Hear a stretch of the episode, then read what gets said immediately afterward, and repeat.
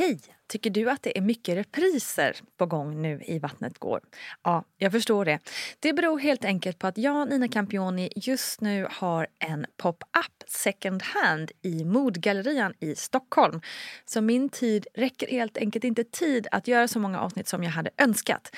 Men tills jag är tillbaka på full tid, kom gärna och hälsa på mig i Modgallerian. Vi ses!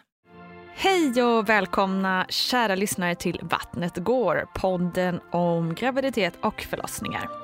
Jag som babblar på är som vanligt Nina Campioni och eh, ja, jag börjar själv närma mig faktiskt min andra förlossning just nu. Så skulle du vilja haka på mer på den resan så får du gärna göra det via Instagram på Nina Campioni eller via min blogg på nina.l.se. Men nu ska vi inte prata mer om mig utan faktiskt komma in på gästen of the hour. Och det här avsnittet är faktiskt någonting som jag har sett fram emot eh, ganska länge. Eh, för nu fick jag äntligen möjligheten att träffa en sån där riktigt så kallad ung mamma. Emma Jansson var nämligen 17 år när hon tog det där testet som bevisade att hon var gravid. Eh, Emma är egenföretagare, entreprenör och medverkar just nu i TV4s serie Unga föräldrar. Och det som slog mig under det här mötet var vilka otroliga fördomar som jag själv hade kring det här med att vara ung förälder. Och hur de totalt krossades av coola Emma och hennes berättelse. Med oss i programmet är som vanligt också barnmorskan Gudrun Abascal som svarar på ditten och datten under vägens gång. Men nu tycker jag att vi kör och lyssnar till Emma Jansson.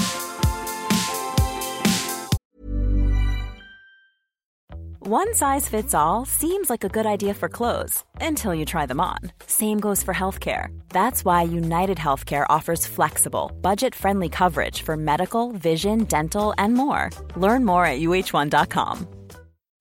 Life is full of what ifs, some awesome, like what if AI could fold your laundry? And some, well, less awesome, like what if you have unexpected medical costs? United Healthcare can help get you covered with Health Protector Guard fixed indemnity insurance plans. They supplement your primary plan to help you manage out of pocket costs. No deductibles, no enrollment periods, and especially no more what ifs. Visit uh1.com to find the Health Protector Guard plan for you. Hey, I'm Ryan Reynolds. At Mint Mobile, we like to do the opposite of what Big Wireless does. They charge you a lot we charge you a little. So naturally, when they announced they'd be raising their prices due to inflation, we decided to deflate our prices due to not hating you. That's right. We're cutting the price of Mint Unlimited from $30 a month to just $15 a month. Give it a try at mintmobile.com slash switch. $45 upfront for three months plus taxes and fees. Promo for new customers for limited time. Unlimited more than 40 gigabytes per month. Slows. Full terms at mintmobile.com. Even on a budget, quality is non-negotiable. That's why Quince is the place to score high-end essentials at 50 to 80% less than similar brands. Get your hands on buttery soft cashmere sweaters from just 60 bucks, Italian leather jackets, and so much more. And the best part about Quince, they exclusively partner with factories committed to safe, ethical, and responsible manufacturing. Elevate your style without the elevated price tag with Quince. Go to quince.com slash upgrade for free shipping and 365-day returns. Du var 17 år när du fick veta att du var gravid. Mm. Vad var din första tanke? Oj. Att det kändes väldigt konstigt att det växer en människa i min mage. Mm. det var typ det första jag tänkte. Jag minns att jag tog mitt graviditetstest inne på skoltoaletten faktiskt. Um, och så var jag med min eh, bästa kompis Adde. Och um, jag kommer ihåg hur jag bara typ slänger upp dörren och bara kollar på honom och, och bara så här. Vi båda bara kollar på varandra och säger ingenting. Och bara så här, han fattar ju rent alltså, av tystnaden typ att okej okay, det är ett plus liksom. um, så att, ja, jag, det var en väldigt konstig känsla men mm. jag blev glad. Det var, det var inte den här shit vad gör jag nu? Det var mer Nej. den här wow, vad, vad kul och vad, vad häftigt typ. Och sen tankarna Vilken fantastisk sen. inställning för många. Ja. Jag kan tänka mig att många säger bara gud mitt liv är över. Mm. Eller lite så. Mm. Har du alltid då känt att liksom barn är någonting som du skulle vilja ha? Alltså du, det verkar inte som att du blev rädd. Liksom. Nej, alltså jag har nog tänkt på Alltså redan när jag var 13 blev jag så här, åh vill ha barn. Sen så är det klart jag planerade redan då att bli liksom så eh, gravid eller liksom ville ha barn redan då. Men, men att jag kände att Nej, men jag minns att jag redan i liksom, tidig tonår kände att det skulle vara ballt att vara ung mamma och eh, jag vill ha haft barn länge. Så mm.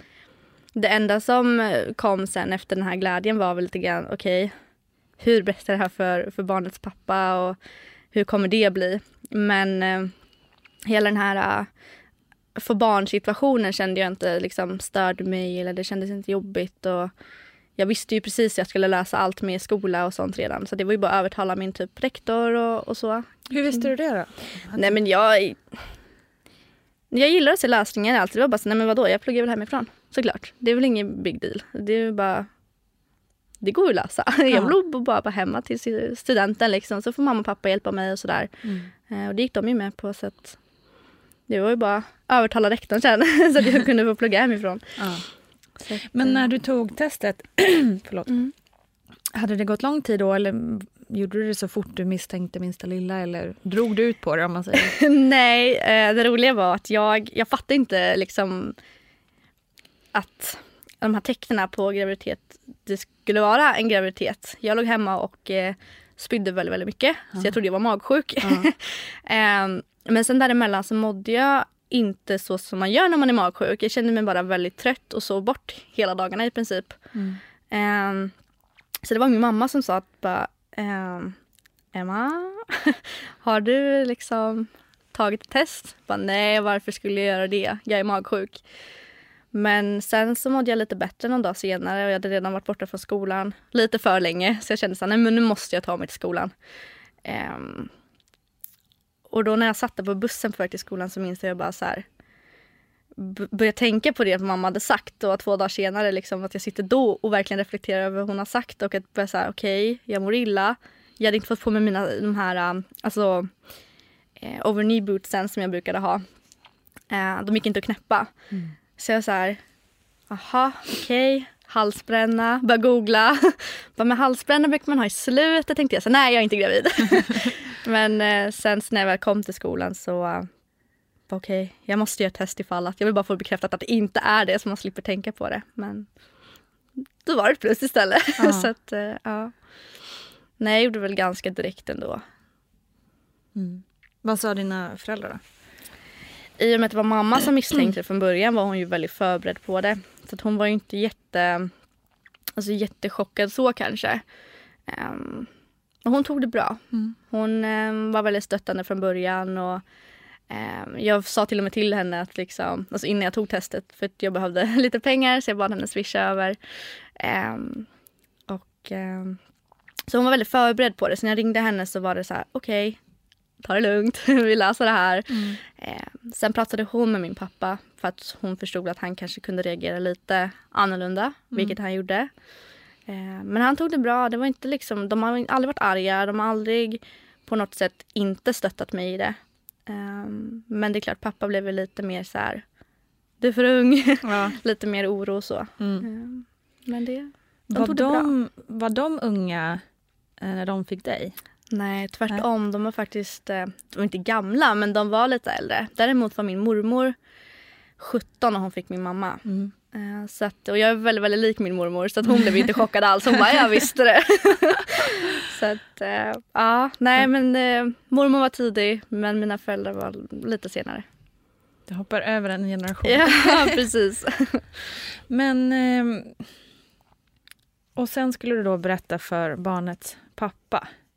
Och du var nervös redan från början kring det? För du, du var nervös för mm. hans reaktion eller? Mm. Jo men det var jag väl. Um, jag och uh, Delia, som alltså min dotter heter, jag och Delias pappa var inte i en relation på det sättet utan vi var väldigt nära liksom kring, alltså mer på ett vänskapligt sätt egentligen. Mm.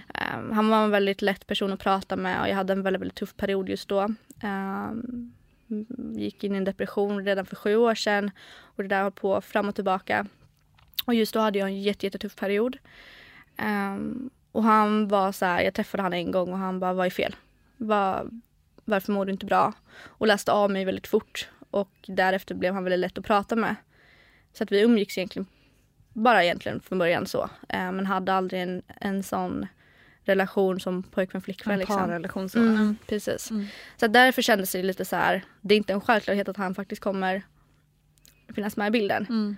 Eh, däremot så kände jag så att nej, han är en väldigt ansvarstagande person. Eh, hela hans familj är väldigt så eh, ja, men ansvarsfulla liksom och de, de känns som en eh, väldigt bra familj på det sättet. Så jag trodde verkligen inte att han skulle alltså, dra sig ur det här mm, papparollen så. Men det gjorde han tyvärr. Hans Mm. första fråga var när jag berättade för honom det var liksom, ja du gör abort va? Så han tog i princip för givet att jag skulle ta bort barnet. Um, Hur kändes det då? Alltså det var jättetufft. Först var jag så här, jag var så inställd på att han kommer ändra sig. Det här är inte han. Han kommer ju ändra sig. Jag, var kommer det här ifrån? Okej, han behöver bara lite tid att smälta det. Ehm, och ehm, jag fattar att man reagerar på det sättet. Ehm, och så. Men ehm, han, han står fast vid den idag liksom, så det är tråkigt. Mm. Men ehm, det, ja, det var tufft men nu känner jag väl att man, man har ju liksom lärt sig att leva med att han är inte med i bilden liksom. Han Mm. kommer inte vara det heller förmodligen. Aldrig träffat sin dotter heller eller? Jo, två gånger. Ehm, man måste ju gå till uh, socialkontor och skriva på papper och så när man inte är, är gifta och, och så. Så det fick vi ju göra. Ehm, så första gången så tog vi ett uh, faderskapstest bara för att ha det svart på vitt. Mm. Eh, så att man slipper något tjafs och bråk i framtiden. Ehm, och sen andra gången när vi skrev papperna då. Men ingenting efter det. Mm. Och den här frågan om abort, det var aldrig aktuellt för dig? Nej, abort för mig har aldrig varit aktuellt. Jag vet att jag sa det redan när jag var 14-15. Skulle jag någonsin bli gravid så kommer jag aldrig göra en abort. Och det har jag stått fast vid. Så stark. Verkligen.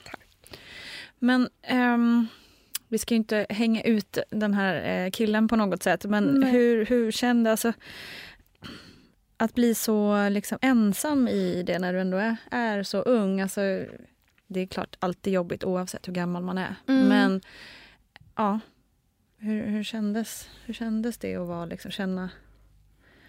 Eh, Nu hade du, har ju du bra föräldrar, Mm. förstår jag ju. Mm. Men kände, var det var liksom en tuff känsla kring det där med... Jag kände väl mest att det skulle vara jobbigt för, för Delia. Att det Mm. skulle vara så här, hur förklarar jag för henne att hennes pappa inte vill ha henne? Mm. Ehm, hur berättar man en sån sak för sitt barn liksom?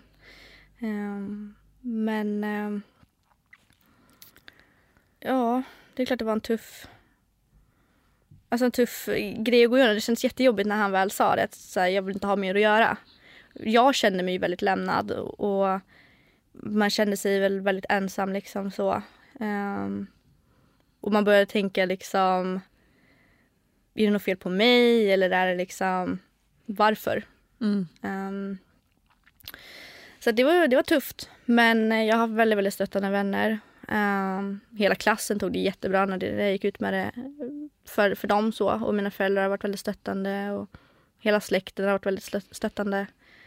Så att jag har aldrig varit ensam på det sättet heller. Så att det jämnade väl ut sig lite grann kanske. Mm. Så. För det är också intressant, hur reagerar ens jämnåriga kompisar? Mm. Liksom?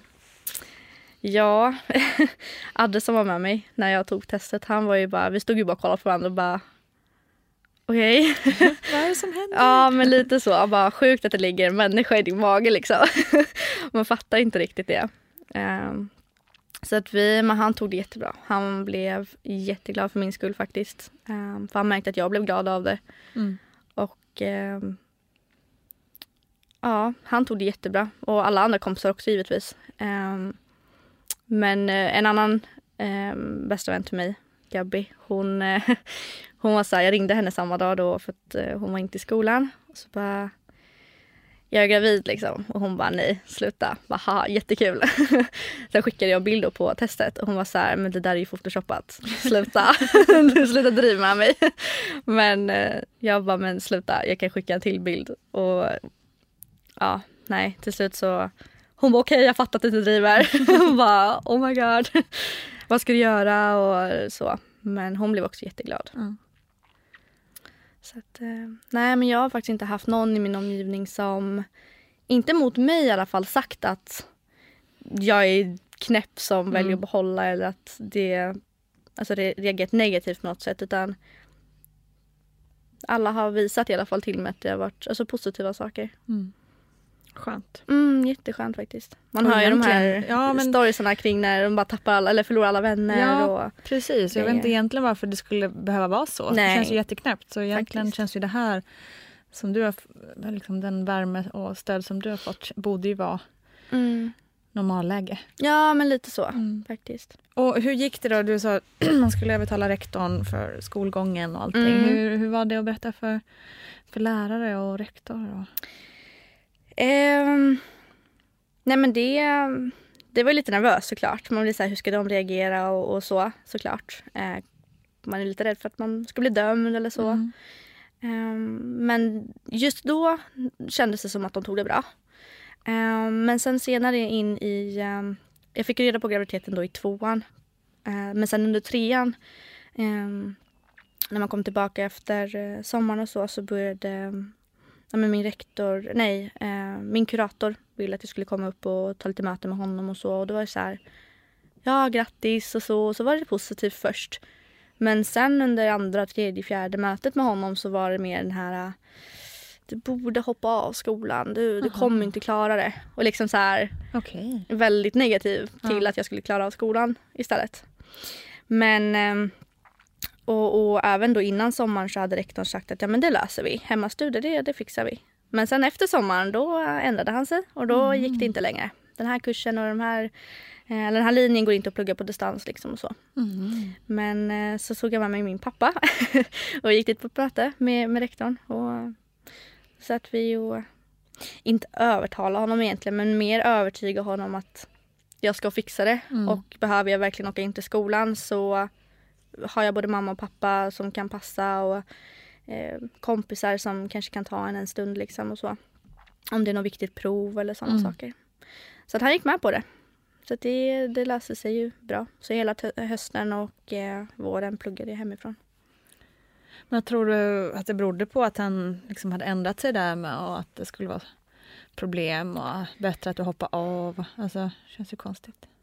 Alltså jag har ingen aning. Nej. Ingen gav inga aning. argument till det liksom. Nej, bara att det, det kommer vara en som bebisbubbla och liksom, Ja. det kommer inte funka och det kommer vara mycket att ta hand om och så. Eh, Kanske var, grundade sig i omtanke. Det kanske det gjorde men... hoppas. Mm. eh, ja, får hoppas det. Men eh, ja. Sen även mentorn, min mentor då, hon började också liksom så här.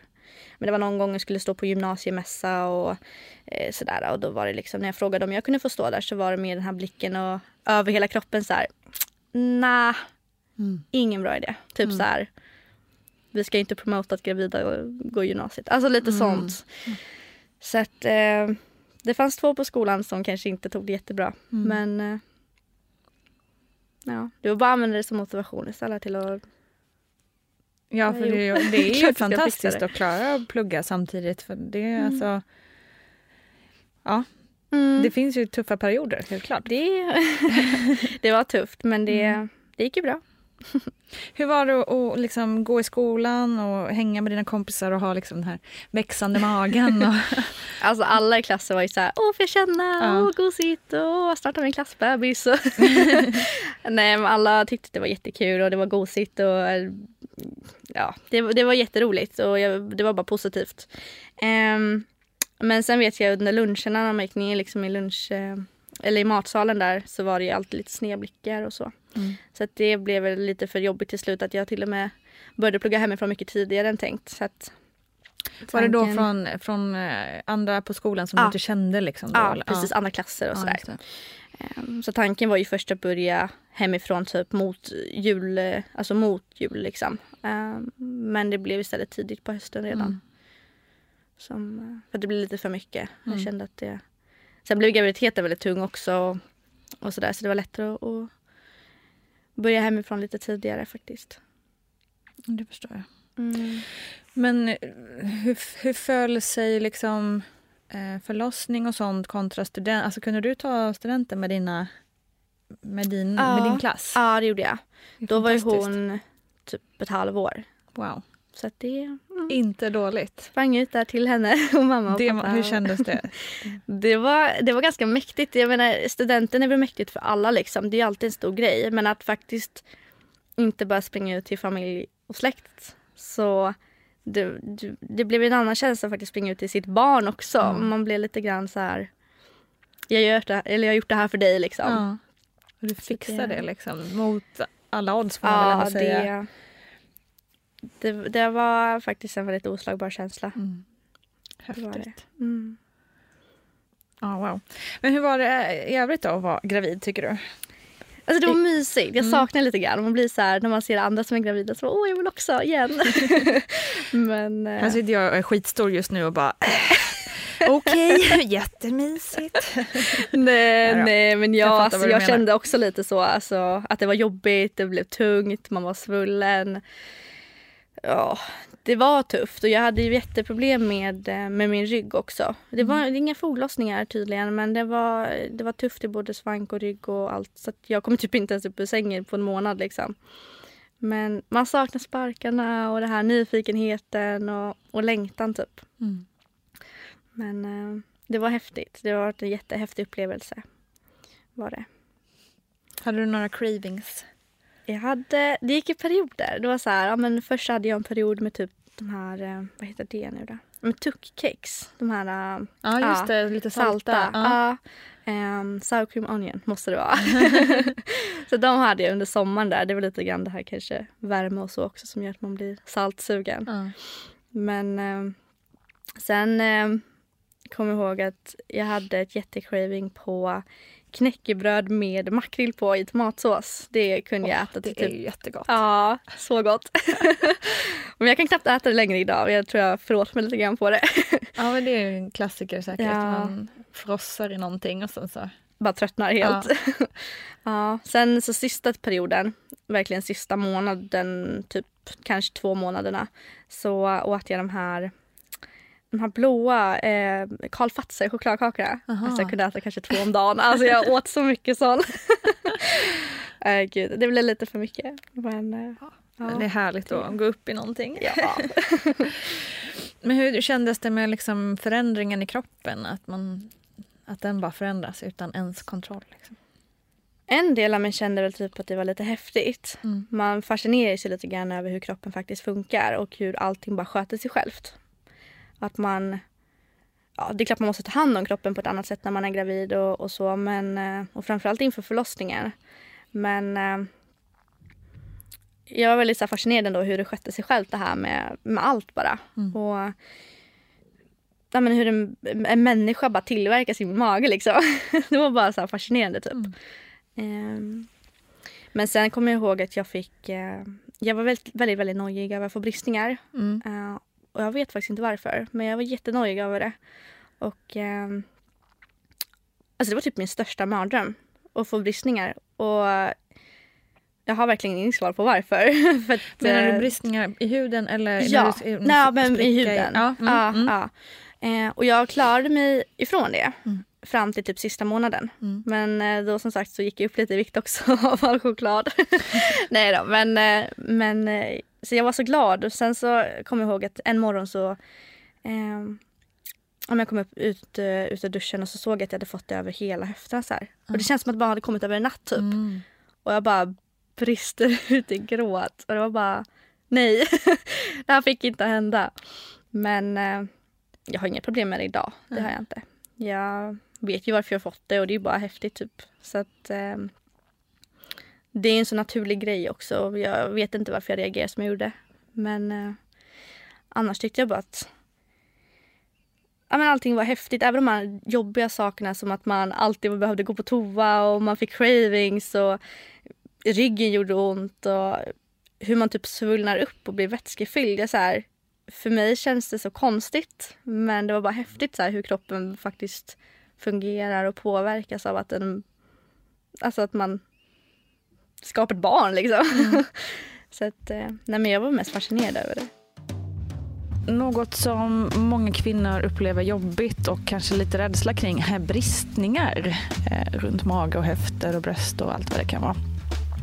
Hur vanligt är det och blir man av med det eller Vad är det för någonting? Då pratar du om stri gravidarum förmodar jag, så att vi skiljer på bristningar och bristningar. Men det är hudbristningar. Ja. Ja, vi vet att ungefär, jag ska tippa drygt 50 procent av alla kvinnor som väntar barn får de här bristningarna. Och då sitter väl också ungefär 50 procent på magen och sen så på 25 procent på, på bröst och sedan på låren. Det är det vanligaste. Sen vet vi också att överviktiga kvinnor drabbas mer av det här än normalviktiga kvinnor.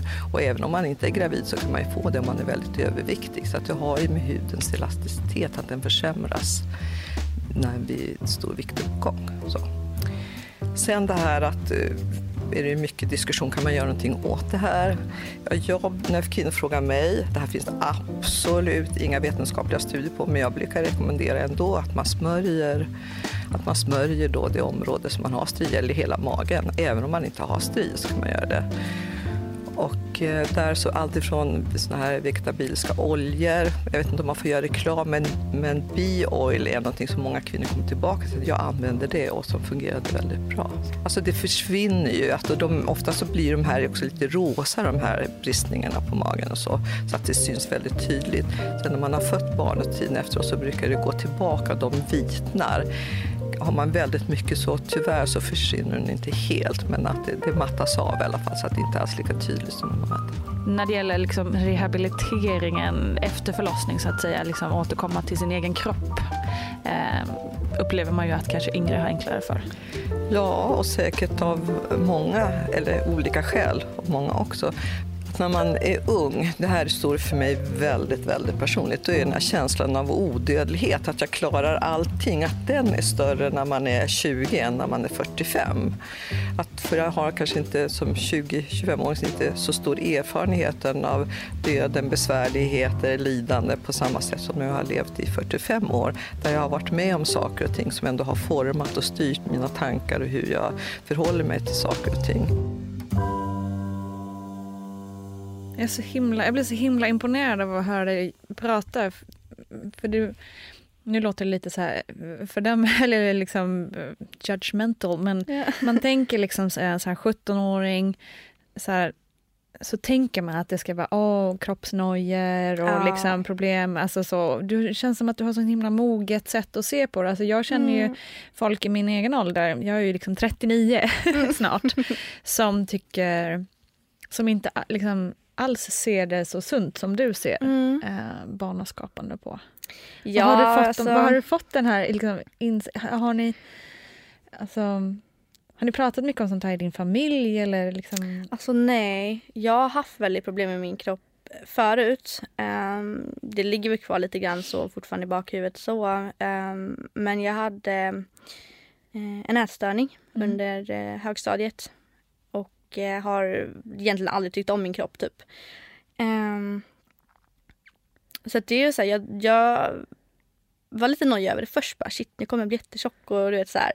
Men eh, när man sen tänker på vad det faktiskt, alltså varför. Mm. Då blir det mer att det är värt det och det jag får ut av det kommer ju vara, det är så mycket större än, än mina tankar kring hur jag ser ut liksom. Så mm. att jag jag vet inte vart det kommer ifrån. Jag bara... Men jag känner igen mig lite också, för det är lite av en process. Jag, jag var ju 35 när jag blev gravid med mitt första barn, så lite mm. äldre, bara lite äldre än dig. men eh, jag hade också egentligen typ hela mitt liv så här, ja, men haft mer eller mindre nojor kring, kring mig. Aldrig, aldrig varit nöjd mm. helt enkelt ja. med min kropp. Men efter graviditeten och antagligen hela liksom, eh, utvecklingen från att vara gravid, förlossning, få barn, allting. Alltså, sen jag fick barn så har jag ju liksom aldrig varit så nöjd med min kropp som jag är nu. Och, och den har ju liksom varit igenom så mycket. Men mm. det, är, det kändes som att man går igenom någon liksom kroppslig metamorfos där man ja, liksom börjar bara acceptera och tycka mm. om sin kropp på ett helt annat sätt. Ja men jag tror att man gör befriande. det. Ja, ja men faktiskt. Mm. Jag, så känner jag också eh, lite grann att jag, jag accepterar min kropp på ett helt annat sätt ja. idag. Och jag tror kanske att det är lite det här att man får respekt för kroppen för vad den faktiskt har gjort mm. och vad jag faktiskt har fått. Um, ja, men det, man känner respekt tycker jag. För att de, det är ändå min kropp som har skapat det absolut bästa i mitt liv. Liksom. Mm. det är klart man är tacksam. Mm. Så att jag tror att det kan vara lite det. Och kroppen förändras, det är ju bara något man, man accept, alltså får acceptera. Att kroppen förändras efter en graviditet, så är det ju bara. Um, det är ju helt naturligt. Så att det är inte konstigt att, att man kanske ser annorlunda ut i kroppen heller efter en graviditet. Så jag tror att det är lite därför man kanske känner mer acceptans och, Mm. och mognar i det tankesättet. Skönt är det i alla fall att mogna i det tankesättet. Det är det. En mindre sak att oroa sig för. Verkligen. Du, hur, hur börjar, när du börjar närma dig förlossning och sådär, hur gick tankarna Mm. kring den? Jag var ganska lugn. Alla frågade mig så här, "Åh, men är du inte nervös, är du inte rädd? Bara, så här, inte skrämde upp mig men det var mycket det här att det känns som att alla runt omkring mig var mer oroliga över min förlossning än vad jag var. Så jag var mer såhär, nej det kommer gå bra.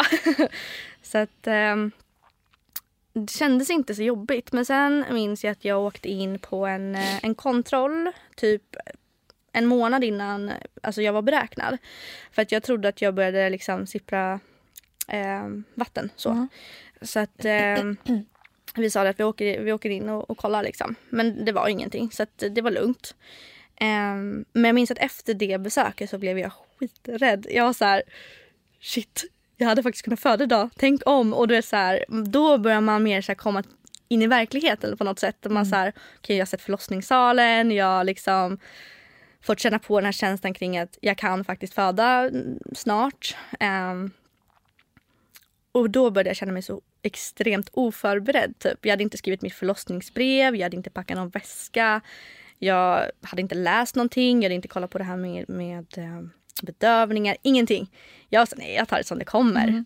Men, men efter det besöket så började jag så här, jag åkte hem direkt och skrev mitt förlossningsbrev och jag bara gjorde allt. Packa väska och bara ifall att. Så um, då blev jag faktiskt väldigt rädd och nojig över att Alltså jag vet inte över vad egentligen. Det var mer det här att man bara Lite wake-up call. Ja, lite så. Att man bara blev typ nervös på, på något sätt. Det, det är en skrämmande känsla på, på något sätt att man liksom...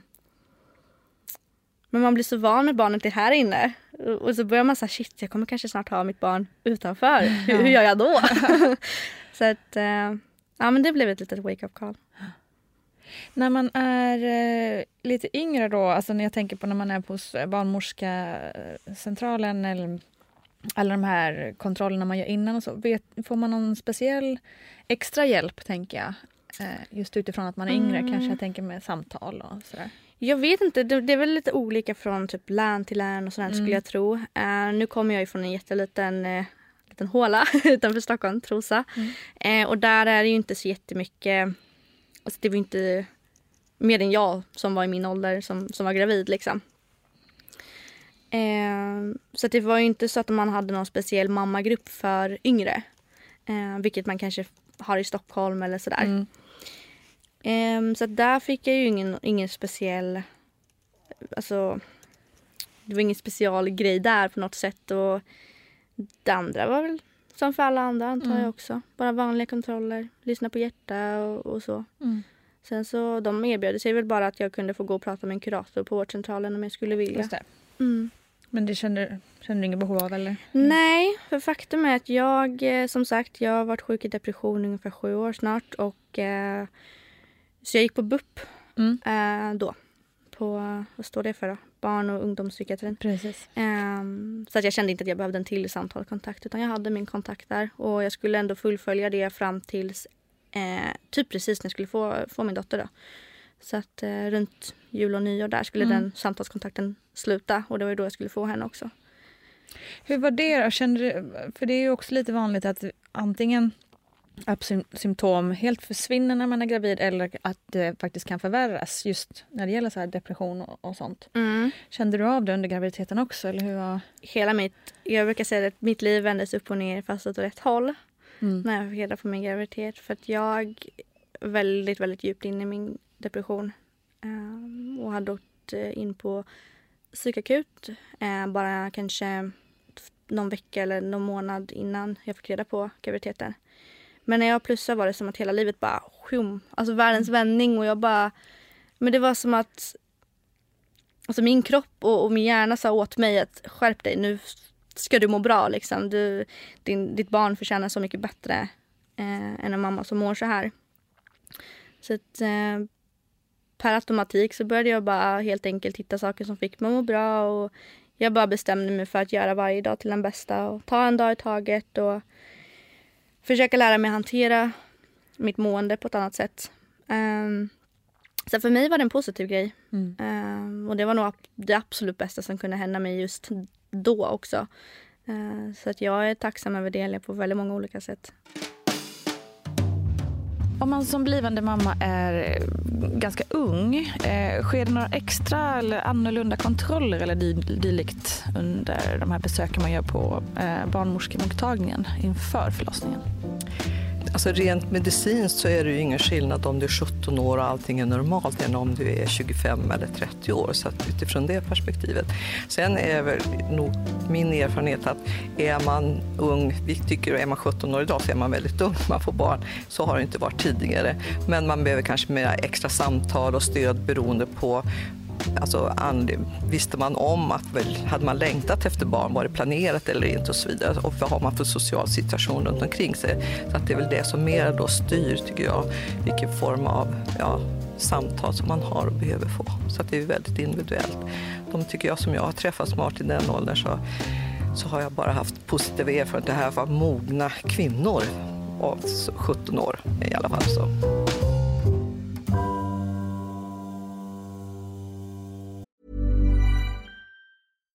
One size fits all seemed like a good idea for clothes. Nice dress. Uh, it's a it's a t-shirt.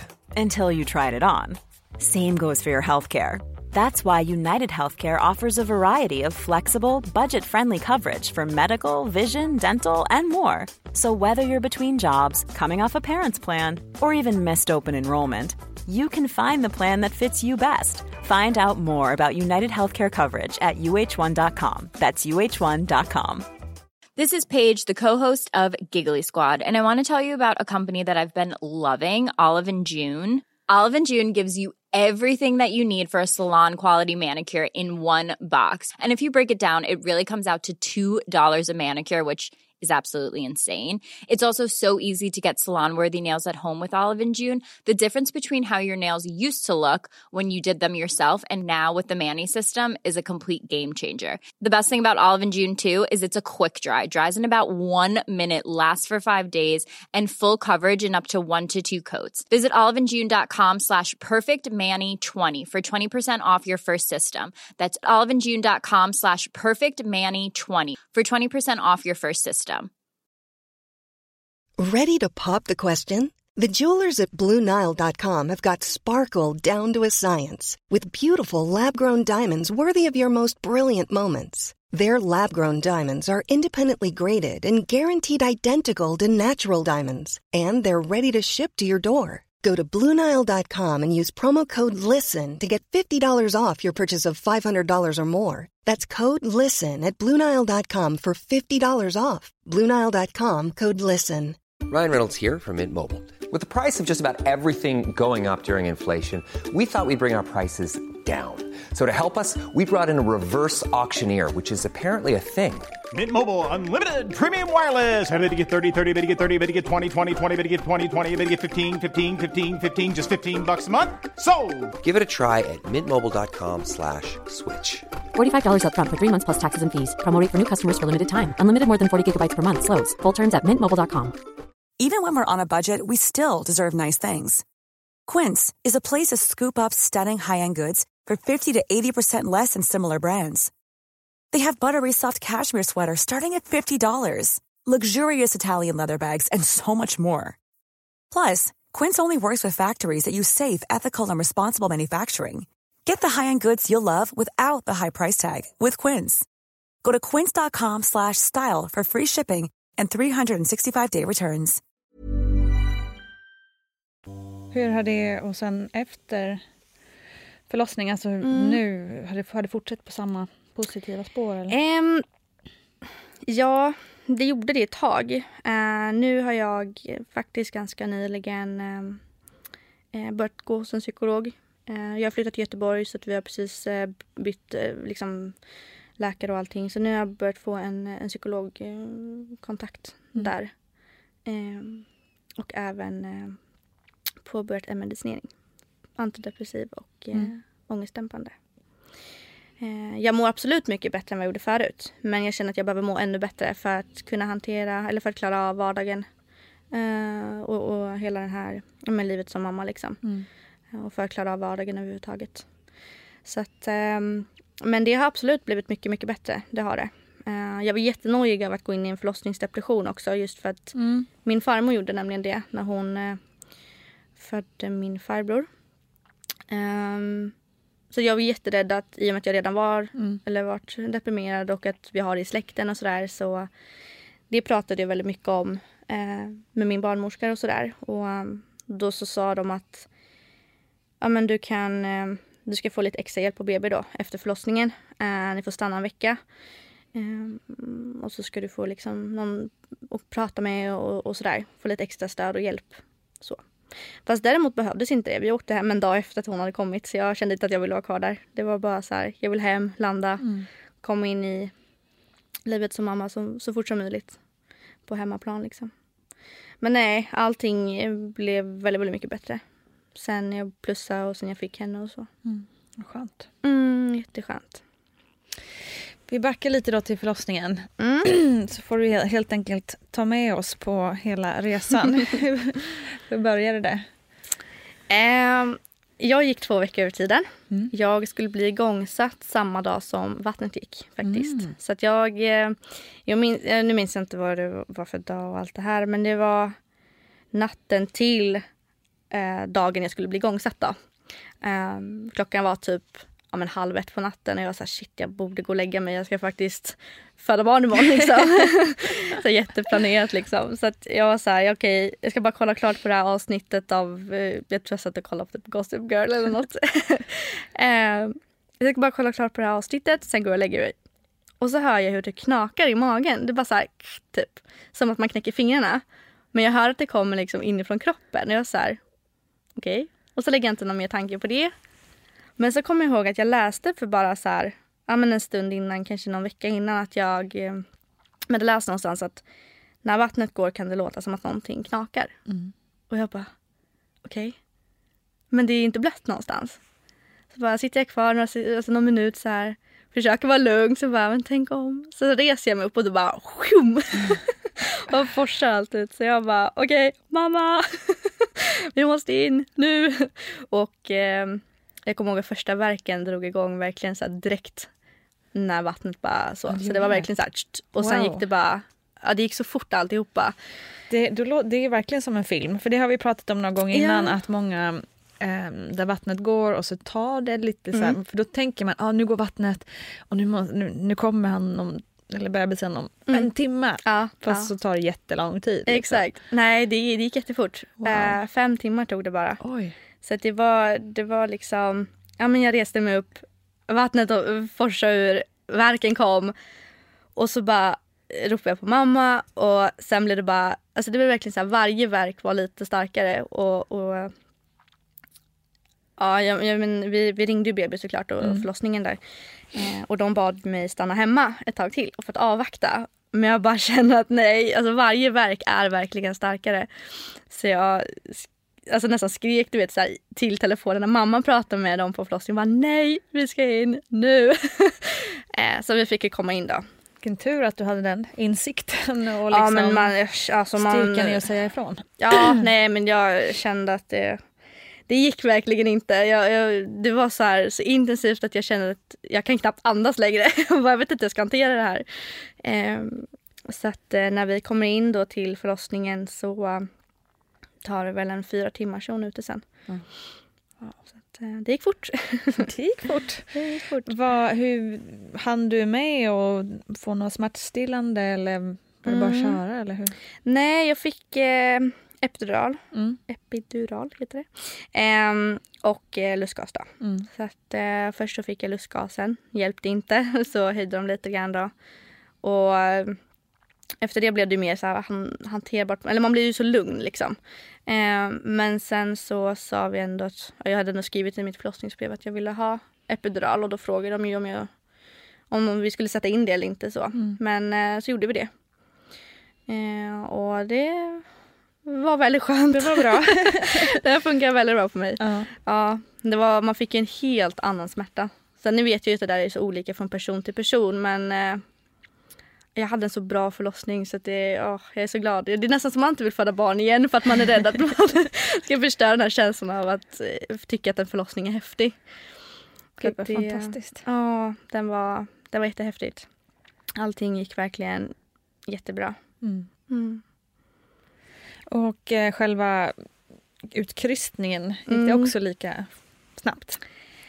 Ja, alltså jag fattade typ inte ens att, att, att jag skulle krysta liksom. Det var ju så här, de sa ju åt mig så här att nu måste du krysta. Och jag, jag står upp då, lutad mot en fåtölj så här, och, och verkligen så här försöka hålla emot för att jag känner att någonting trycker. De bara, men det är ju bebisen liksom. Åh nej. så att, eh, ja, det, det, var, det var bara så konstigt. Allting är ju så okänt. Man är så här, jag fattade ingenting vad som hände typ. Jag bara hade ont överallt och, och jag minns det mamma att jag bara, nej jag vill inte föda barn, jag vill hem och sova. så ja, det, var, det, det gick snabbt också och, och väldigt bra, det gjorde det. Men jag fattade knappt vad som hände. Nej. Det var först när jag fick lägga mig ner och, och liksom köra de här kanske tre, fyra liksom sista kryssningarna. Då, då fattar man ju, okej hon är här snart. Så minns jag att jag bara i, i sista eller typ näst sista krysten så råkar liksom luta mig framåt för att ta sats och, bara så här. Och då ser jag huvudet där nere så då bara så här, stannar jag upp mitt i allt och bara så här, kollar på mamma och bara ja, så sitter hon där och gråter. så det, var, det var en mäktig känsla. Mm. Gud, vad häftigt. Ja. Vad- men din mamma var med. Var det, Hade du någon mer med dig? Nej, det var bara mamma. Mm. Mm. Kändes det tryggt och bra? Ja, det gjorde det. Det var lite mm, så här nojigt ända fram till förlossning och så. Ehm, men, eh, nej, men det funkar bra. Ehm, jag var väldigt så här, skeptisk och nojig som sagt innan och var väldigt så här.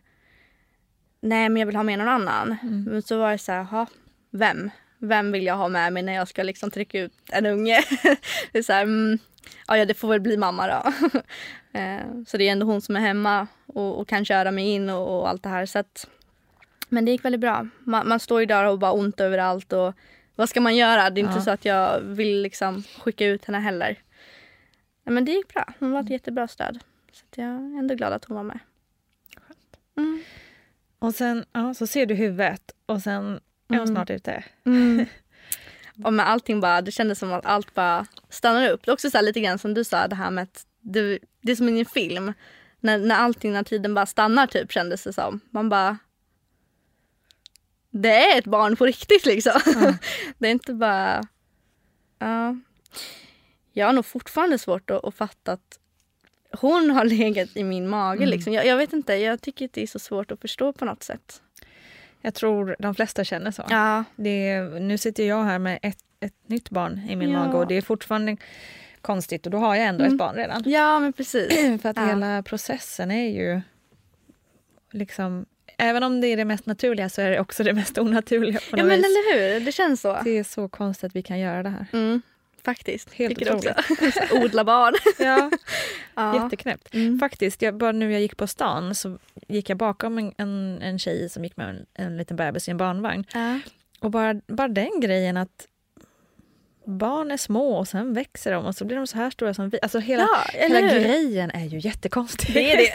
det är ju jättesvårt Mm. att fatta. Framförallt att tänka sig själv ha varit så liten. Ja, Eller att, exakt. för jag vet att man börjar så här, just när man var i den här gravid, eh, alltså mitt uppe i graviditeten och sen efter förlossningen så här, börjar man ju så här fundera på men gud jag har ju varit lilla Ja. Delia. Jag har ju legat i min mammas mage. Det, det är konstigt. Ja. Det går inte ihop med mitt huvud. Nej men precis, hela, Mm. hela grejen är svår att greppa. Mm. Det pratas ju mycket så här om att yngre, att det är enklare att föda barn för yngre tjejer än för oss gamlingar. hur, hur upplevde du att kroppen liksom reagerade efter, efter förlossningen?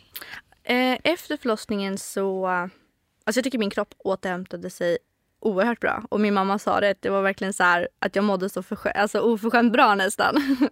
um, um, alltså, dels magen återhämtade sig väldigt bra, väldigt fort. Ehm, men hela det här, alltså hela liksom eh, kroppen bara kände sig... Så kände, jag gick tillbaka till det normala bara efter ett par dagar typ. Jag var ute och tog en lång promenad med min bästa kompis eh, Julia när jag hade varit hemma i en dag typ.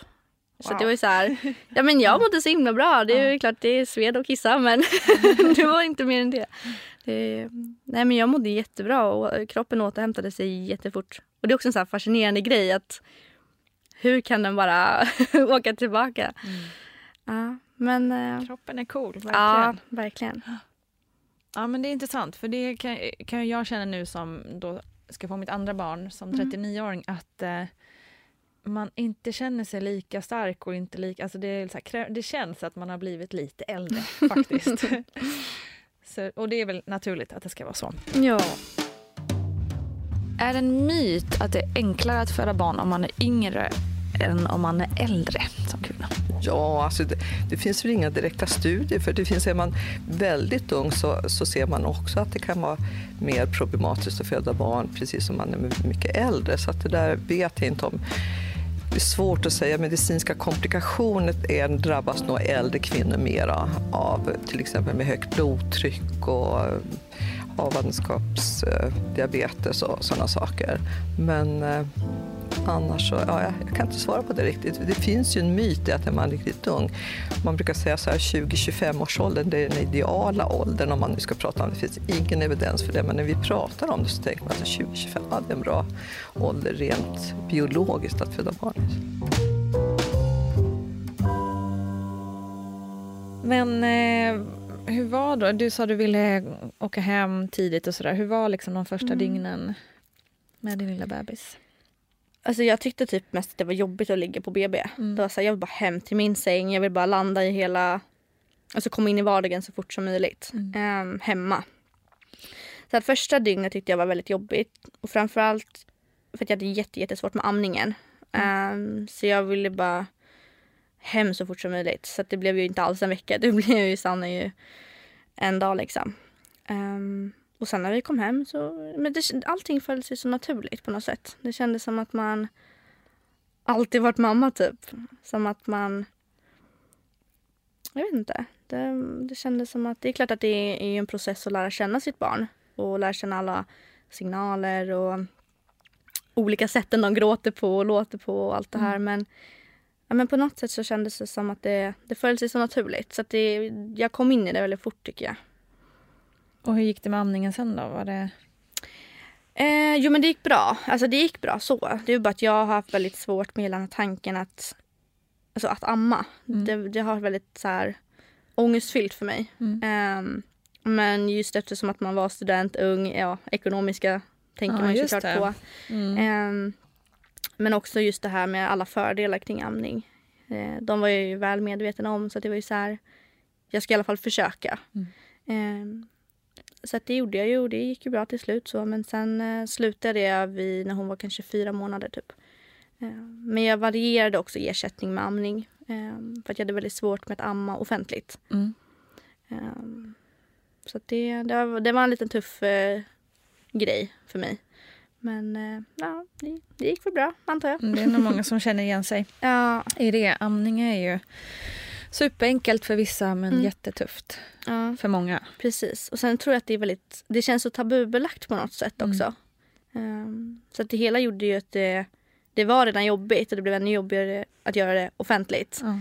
Så att jag hade alltid ersättning med mig som hon fick när vi var iväg liksom. Det är också någonting som man lite känns som att man kanske, det är så mycket fokus på förlossning eh, inför. Ja. Och så är det liksom som att amning det ska bara funka. Ja. Alltså lite så. Mm. Och sen så kanske det är mycket mer komplicerat än man tror. Men det var det faktiskt. Det var ju väldigt så här, nej men man ska ligga på det här sättet Mm. och man ska hålla sig och så här Mm. och du får göra sig och så. Eh, Jag trodde ju bara att man skulle liksom sitta så här och hålla i bebisen ja, och så sköter sig själv. Att, Ja men det Nej, tror men- man ju. Liksom, För allting annat är ju så himla instinktivt oftast hos bebisar också. Så man tänker Ja. det sköter ju de. ja, Hur man ska göra. men men så. det är ju verkligen inte så lätt som man tror. Nej, nej men det var det, var det inte. Mm. Viktigt att, att, eh, att, sån, att det kommer fram tycker jag. Ja men det är det faktiskt. Men ja, du, då var du 18. Mm. Han du bli det innan du Ja, precis. födde? Ja. 18 år och mamma. Mm. Hur, hur liksom var omställningen i, i ditt liv? Alltså, nu hade du såklart nio månader på dig att förbereda och allting sånt. Ändå men känner ändå. man sig så det är en- oförberedd. Ja, precis. Och det gör man ju egentligen oavsett ålder. Ja, Men exakt. Ja, alltså. Jag har lite så här. Vad ska man säga? Åldern spelar ingen roll. Alltså jag tycker inte att det har någonting med ålder att göra egentligen. Att man växer väldigt mycket in i den här mammarollen. Antingen är du gjord för att vara mamma eller så är du inte det. Och jag tror inte att det är någonting som har med åldern att göra. Det finns de som är 40 och ursäkta med värdelösa föräldrar. Ehm, och det finns Absolut. de som är i min ålder och helt fantastiska föräldrar. Och Mm. jag tycker att jag är en väldigt bra mamma. Och jag menar, det spelar ingen roll om jag är 18 eller 30. Alltså, jag, jag tyckte, jag har alltid varit väldigt så här, vad ska man säga, försökt att inte lägga så mycket fokus på det. När folk är så här, "Ja, men du ser så ung ut. Så, Mm. ja, jag är ung. Ja, och. Men lite så. Mm. Eh, så att jag brukar inte göra någon big deal av det egentligen. Ehm, men det är, ja, jag vet inte. Det är klart att det är en om, omställning. Men det är det ju som sagt för alla. Oavsett hur gammal du är så är det ju en omställning att få barn. Mm. Ehm, men, eh, ja, men man växer in i det. Men har det funnits någonting i, nu låter som att jag tjatar och typ vill hitta problem och det vill jag verkligen inte. Det är mest Nej, man är så nyfiken. Ja. Ehm, jag tänker i, liksom, i hela... Alltså jag bara tänker på när jag själv var 18 och man Mm. du vet, åkte på festivaler och det var fest flera dagar i veckan. Alltså Ja. det där livet när alla ens polare liksom drar iväg på, på Mm. grejer och man kanske inte kan följa med på allt Precis. längre på samma sätt. Mm. Hur, var det jobbigt eller var det, kändes det sekundärt? Liksom? Alltså nej, det var inte jobbigt. Jag vet någon gång kände jag så här, fan jag vill också följa med. Alltså Ja, lite så. ja. Men eh, nej, jag tycker inte att det har varit någon grej heller. För att man är så här, man är så inne i det här att ja men det är mysigt att vara hemma med barn liksom. Och jag har alltid, eftersom att jag startade upp mitt företag under graviditeten också så blev det ju att jag blev väldigt eh, eh, inriktad på min karriär också. Att jag hellre sitter hemma en helg och jobbar och är hemma med Delia än att jag går ut och festar. Mm. Eh, men sen fick jag ju och får fortfarande göra det ibland. Eh, när jag är hemma till exempel hos mina föräldrar så är de jättegärna barnvakt. Eh, så jag får gå ut en kväll med mina kompisar liksom. Så det, det blev lite grann, jag gjorde typ det en gång i månaden. Mm. Eh, bara för att få komma bort från ja, men mammarollen lite grann och bara få lite avlastning och bara vara 18 ett tag. Ja, Eh, exakt. Så det har varit jätteskönt. Jag, ändå, jag känner ändå att jag har fått de eh, delar jag har behövt och ja, nej. Det har inte varit något större problem för mig. Du saknar inget av den? Nej, alltså ibland kan man väl känna så att man lite grann så här. Jag hade kanske velat resa mer innan jag fick barn och så här, men så ja, man kan ju resa med barn. Det kan man och jag tror också, det där tycker jag också är intressant. Ehm, för den grejen hade jag också som 35-åring. Mm, mm. Men jag skulle velat åka dit innan jag fick barn. Alltså, Det är Ja. som att man aldrig riktigt blir färdig. Nej, precis. Liksom. Men det kommer alltid finnas saker man vill göra hela Ja. tiden. Men eh, jag menar, det finns väl kanske få barnvakten en gång om man vill åka iväg. Eller liksom. Vi var precis i, eh, i Kapstaden, jag och min sambo. Mm. Ehm, och eh, då hade vi barnvakt den, den veckan. Det var jätteskönt att komma iväg. kom Mm. vi iväg och reste själva ändå. Fast man har barn. Och, planen är väl att vi ska ut och resa tillsammans allihopa liksom, snart också. Så att, nej, alltså det är klart en del av mig känner väl att man skulle vilja göra lite grann innan man fick barn så men eh, jag, jag skulle aldrig ång- alltså jag skulle aldrig känna att jag ångrar att jag behöll henne liksom. Aldrig. Vi pratade innan om att eh, alla dina kompisar och familj och så var väldigt stöttande. Är det, Mm. är det några kompisar liksom som har fallit bort efter att ha fått barn? Just för att liv, livsstilen blir så annorlunda. Ja. Ehm, jag har en kompis som jag lärde känna när jag flyttade till Trosa. eh, när jag var sex år typ. Eh, så vi har ju varit kompisar i många, många år. Ehm, men det blev vi, vi men det föll bort lite grann. Mm. Men eh, jag jobbade väldigt mycket och var hemma med Delia. Och, man fick en helt annan livsstil och vänner var ingen prioritering längre. Inte på det sättet. Och sen så märkte jag ju också vilka som faktiskt ställde upp för mig och fanns där för mig under både graviditet och eh, när jag väl fick Delia som hjälpte till och kanske passade henne eller erbjöd sig åtminstone att passa henne om jag skulle göra någonting. Eh, eller liksom så här, om du behöver plugga i lugn och ro så kan jag jättegärna passa henne. Liksom så. Eh, och även när jag mådde väldigt, väldigt dåligt där innan, eh, innan graviditeten och så. Så man märkte ju alltså väldigt så här, vilka som var ens riktiga vänner. Mm. Och det gjorde att jag prioriterade ju såklart dem när jag väl gav tid för mina vänner. Och på så sätt så är det några stycken som kanske faller bort lite grann så. Mm. Och så har du också träffat en ny kille. Mm. Hur var det? Ja. Alltså, hur tog han an sig i den här rollen? Det är jag jätte, jätteglad över att första gången han träffade mig så träffade han också Delia och varit, mm, alltså, har varit medveten om att jag har barn sedan början. Mm. Så det har inte varit så att jag har kommit och släppt värsta bomben och bara du, jag har barn. så att det, det har varit skönt att det har ju vetat om hela tiden. Mm. Men han har tagit det jätte, jättebra. Och han älskar Delia jättemycket. Och eh, jättefin med henne och alltid varit det. Så att eh, det är verkligen så här, jag har ändå känt det ända sedan början att han har inte bara varit med Delia för att han vill vara med mig och att han liksom lärt sig tycka om att vara med henne eller så utan han har verkligen älskat att vara med henne också och verkligen köpt hela paketet utan några problem typ. Så att, eh, det är jag tacksam över. Bra kille. Ja. hur ser du, ser du på framtiden? Ja, ja du. Delia har precis börjat på dagis nu så att nu blir det ju mycket eh, nu ska jag försöka bygga upp mitt företag så mycket som möjligt och bara liksom gå all in för karriären tänker jag. Eh, när hon väl är på dagis då såklart och, och så. Lite kvällar blir det också. Eh, så tanken är att vi ska ut och resa så mycket som möjligt. Eh, om något år liksom när, vi, när jag byggt upp det mer och så. Eh, Eh, så att vi, vi ser väl på framtiden med väldigt mycket resor och sol och bad. Kanske någon utomlandsflytt. Mm. Mm. Fler barn? Kanske, någon gång. vi har pratat om det men vi har sagt liksom att minst fem år typ. Mm. Uh, jag känner att jag vill njuta av, att se Delia växa upp. Uh, faktiskt. Uh, För du är nu hur gammal? Jag fyller 20 nu i sommar. Mm. Så att yes. Um, jag, jag, känner, alltså jag är ju bebissugen. Man blir så här, ja men när man ser gravida kvinnor såklart och, och så här, åh vad mysigt att vara gravid och man ser små bebisar som är helt nyfödda och bara åh, saknar. men sen när jag tänker tanken av att ta hand om två barn samtidigt så känner jag väl att ja, jättemysigt, jättekul, men inte just nu. Så jag vill nog, eh, vi vill vänta mm. några år till.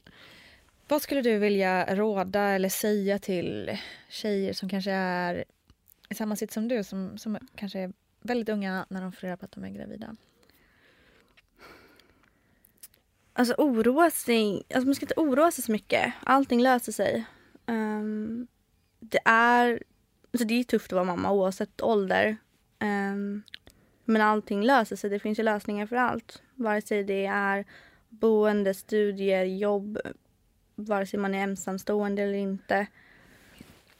Ehm, så att mitt bästa råd är att sluta oroa sig så jäkla mycket. Det, jag tror att man överanalyserar alla de här...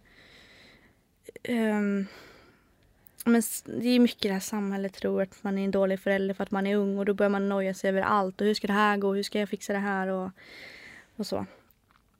Men, eh, men jag tycker att man ska sluta oroa sig så mycket. Bra råd tycker jag. Överlag i livet. Ja, men så är det ju. Ja. Tusen tack för att du ville berätta om din ja, historia. Tack för att jag fick komma hit. Jättekul. Tusen, tusen tack Emma Jansson för att du ville berätta om din historia och om hur lilla Delia kom till världen. Eh, otroligt fascinerande och som sagt mina fördomar eh, ligger här någonstans på golvet och bara skramlar i sin eh, skam. Tack också kära lyssnare för att ni hängde med mig ända hit. Och varmt välkommen tillbaka snart igen för då är det dags för Ami Bramme Säg. Producerat av Perfect Day Media.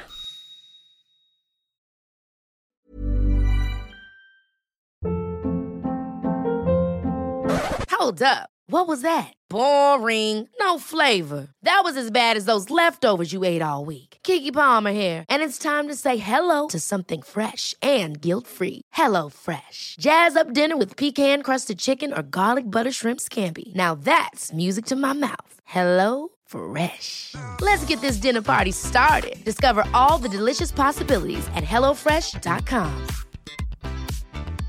Mom deserves the best, and there's no better place to shop for Mother's Day than Whole Foods Market. They're your destination for unbeatable savings, from premium gifts to show-stopping flowers and irresistible desserts. Start by saving 33% with Prime on all body care and candles. Then get a 15-stem bunch of tulips for just $9.99 each with Prime. Round out Mom's menu with festive rosé, irresistible berry chantilly cake, and more special treats. Come celebrate Mother's Day at Whole Foods Market. Hey, it's Paige DeSorbo from Giggly Squad. High quality fashion without the price tag. Say hello to Quince. I'm snagging high-end essentials like cozy cashmere sweaters, sleek leather jackets, fine jewelry, and so much more. With Quince being 50 to 80% less than similar brands.